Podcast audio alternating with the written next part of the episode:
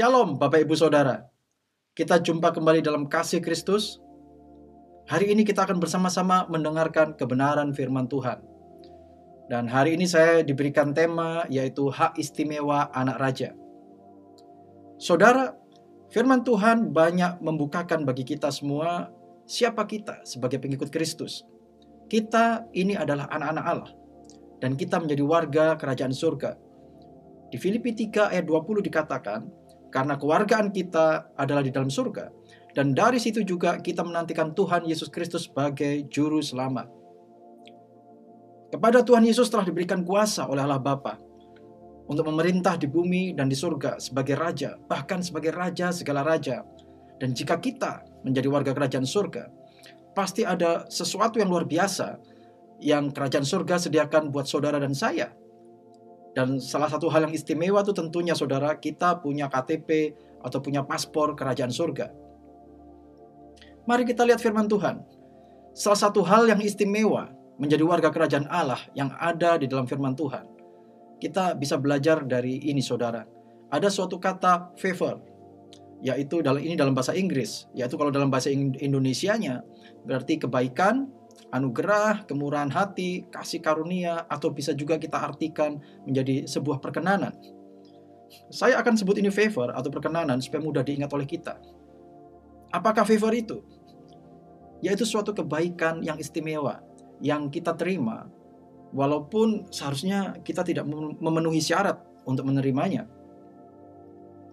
Mari kita lihat beberapa contoh saudara yang ada di dalam Alkitab, di dalam firman Tuhan seperti pada saat Tuhan meminta bangsa Israel untuk keluar, memerintahkan bangsa Israel untuk keluar dari dari Mesir, Tuhan gerakkan hati bangsa Mesir untuk bermurah hati terhadap bangsa Israel. Firman Tuhan katakan, lalu Tuhan membuat orang Mesir bermurah hati terhadap bangsa itu. Dan aku akan membuat orang Mesir bermurah hati terhadap bangsa ini, sehingga apabila kamu pergi, kamu tidak pergi dengan tangan hampa. Dan Tuhan membuat orang Mesir bermurah hati terhadap bangsa itu sehingga memenuhi permintaan mereka.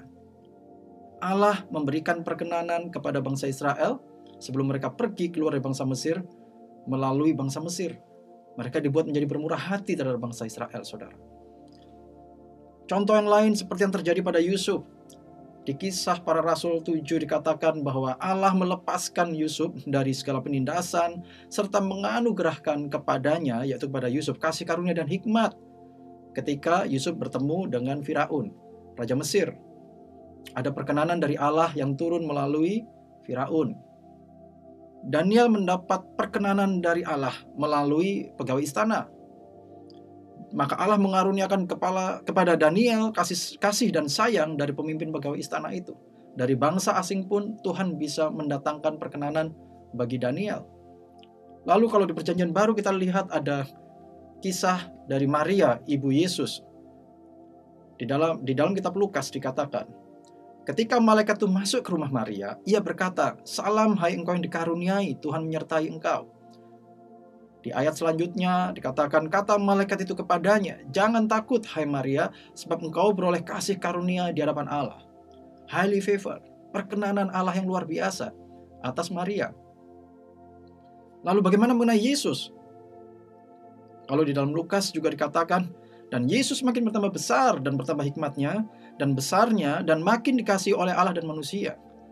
Ada perkenanan Allah, perkenanan manusia, turun atas Yesus dan kalau kita melihat bagaimana dengan gereja, dengan jemaat mula-mula, di kisah para rasul diceritakan bahwa jemaat mula-mula mereka disukai semua orang.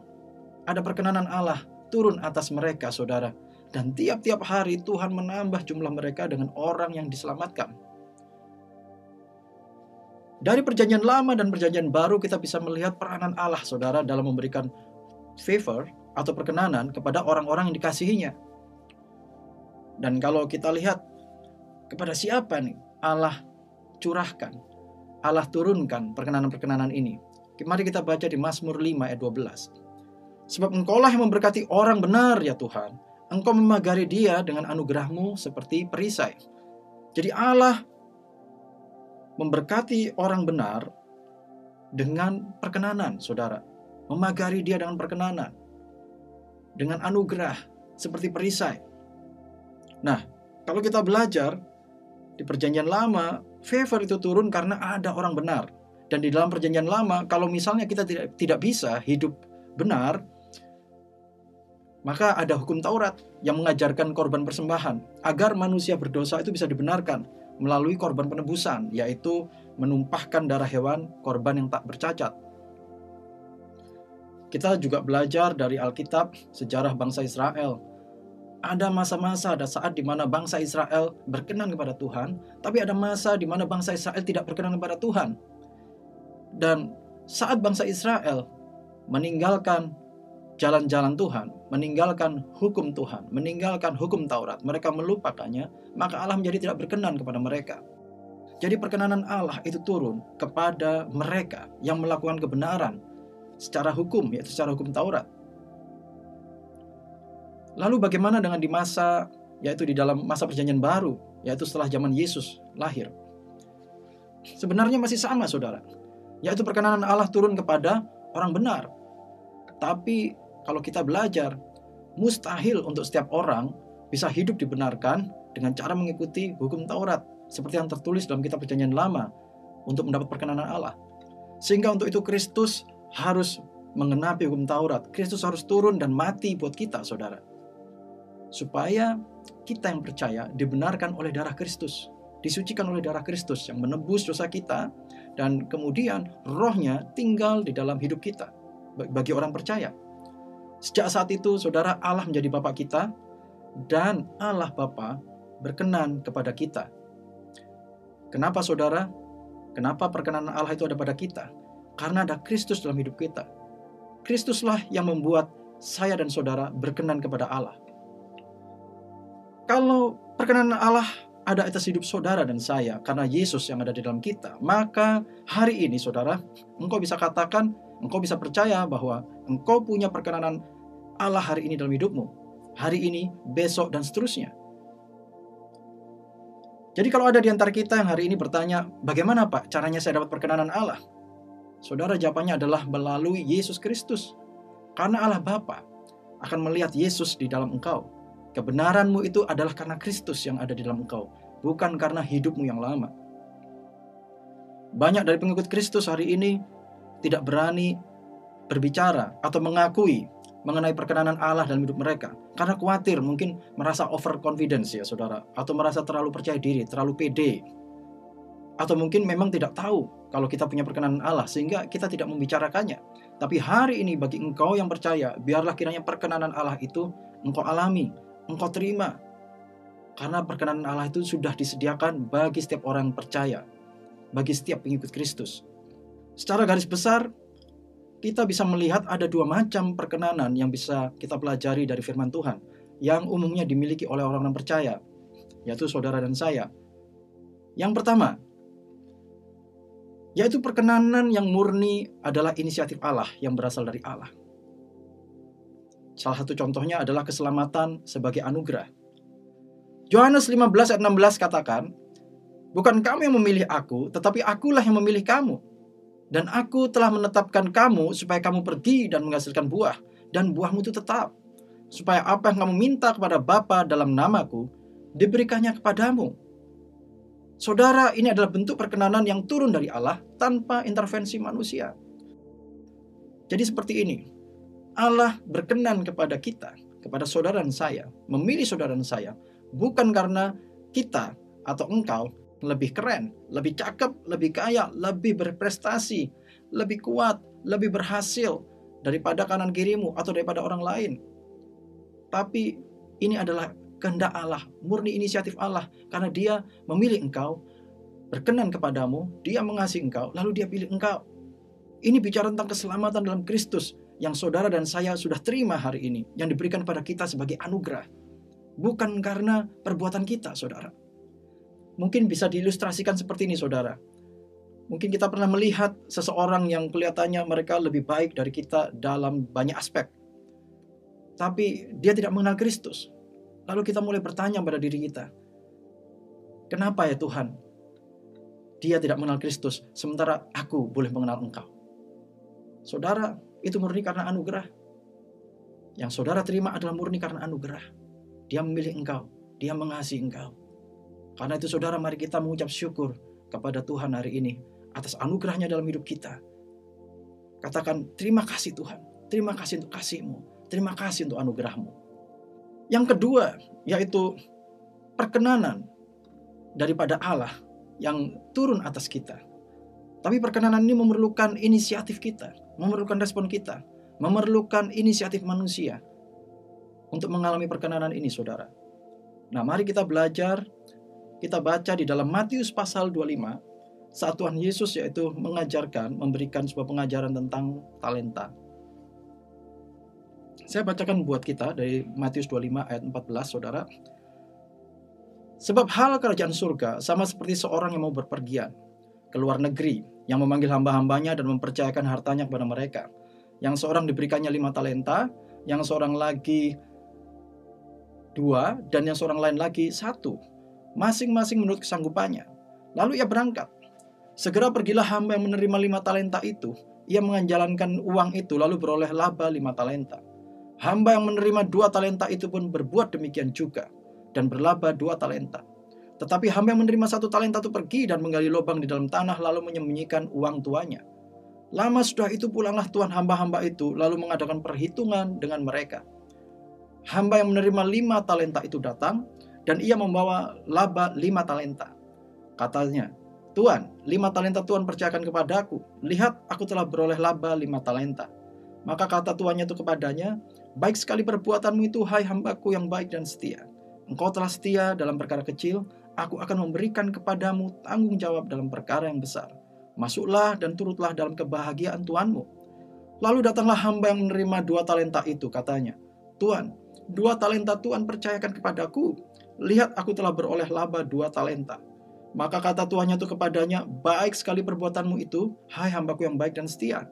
Engkau telah setia memikul tanggung jawab dalam perkara yang kecil, aku akan memberikan kepadamu tanggung jawab dalam perkara yang besar. Masuklah dan turutlah dalam kebahagiaan Tuanmu. Sampai di sini saudara. Saya percaya bahwa bagi kita semua Tuhan telah memberikan talenta sesuai dengan kesanggupan kita, seperti yang tertulis dalam firman Tuhan ini. Semua diberikan sesuai dengan kesanggupan kita masing-masing. Dan hamba yang diberikan talenta dan mengembangkannya adalah hamba yang mengizinkan perkenanan itu bekerja maksimal dalam hidupnya.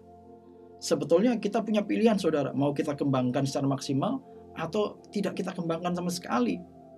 Tapi mari kita lihat, hari ini Tuhan sudah berikan talenta itu bagi kita semua.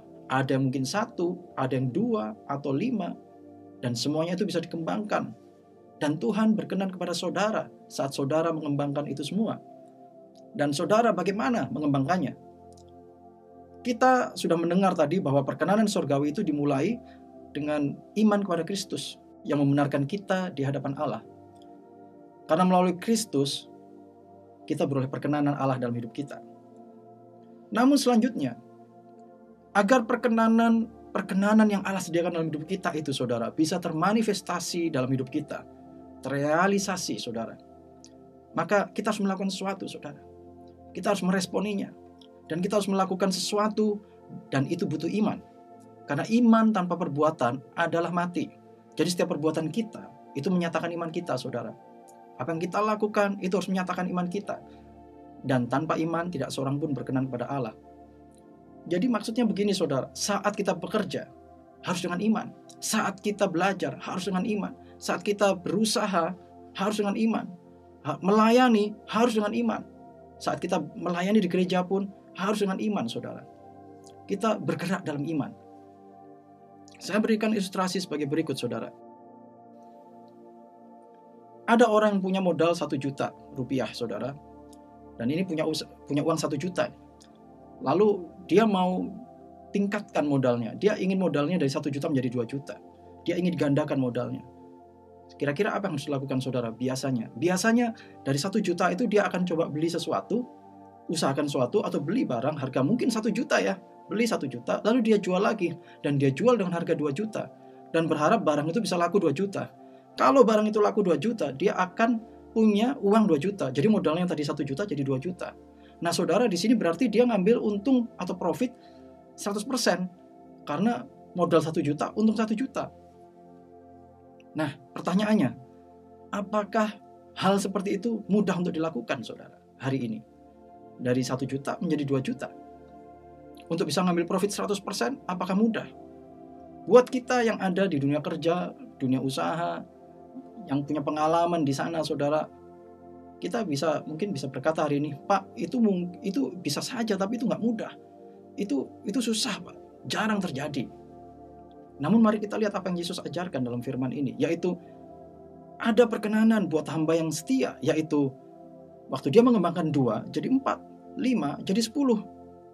Perlipat gandaan seperti itu perlu perkenanan saudara. Ada faktor perkenanan. Nah ini yang Tuhan ajarkan. Bagi hamba yang setia, saat engkau terima dengan sukacita dan engkau kembangkan dengan sukacita saudara. Engkau mengucap syukur atasnya. Maka engkau akan dapat perkenanan. Tuhan Yesus tidak katakan dua menjadi tiga, lima menjadi tujuh. Tapi menjadi dua kali lipat. Karena ada faktor perkenanan Tuhan. Tanpa perkenanan, saudara, kita akan bersusah payah mencapainya. Melelahkan, capek, dan mungkin tidak berhasil sama sekali.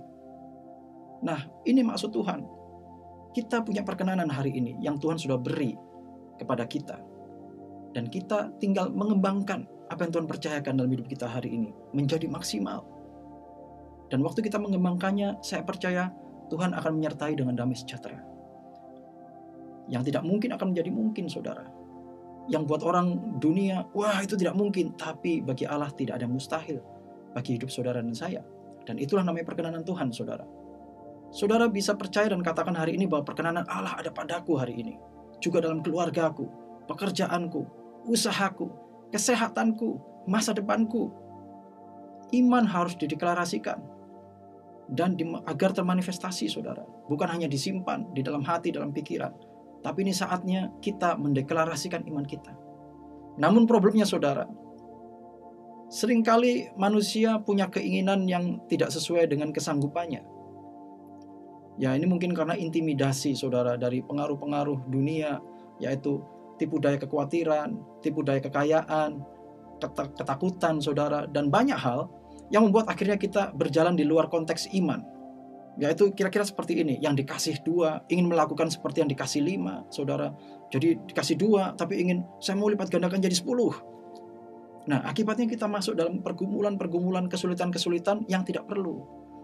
Kita merasa gagal akhirnya walaupun sudah berusaha maksimal dan akhirnya menjadi frustasi bahkan mundur dari semuanya. Nah yang dikasih lima ada yang malah melakukan seolah-olah seperti menerima cuma dikasih dua kurang bersyukur, saudara. Ah, kok cuma dikasih segini? Akhirnya menjadi malas mengembangkan, kurang bersyukur, tidak fokus sama apa yang diberikan sama Tuhan, dan merasa hidupnya tidak mendapat perkenanan Tuhan.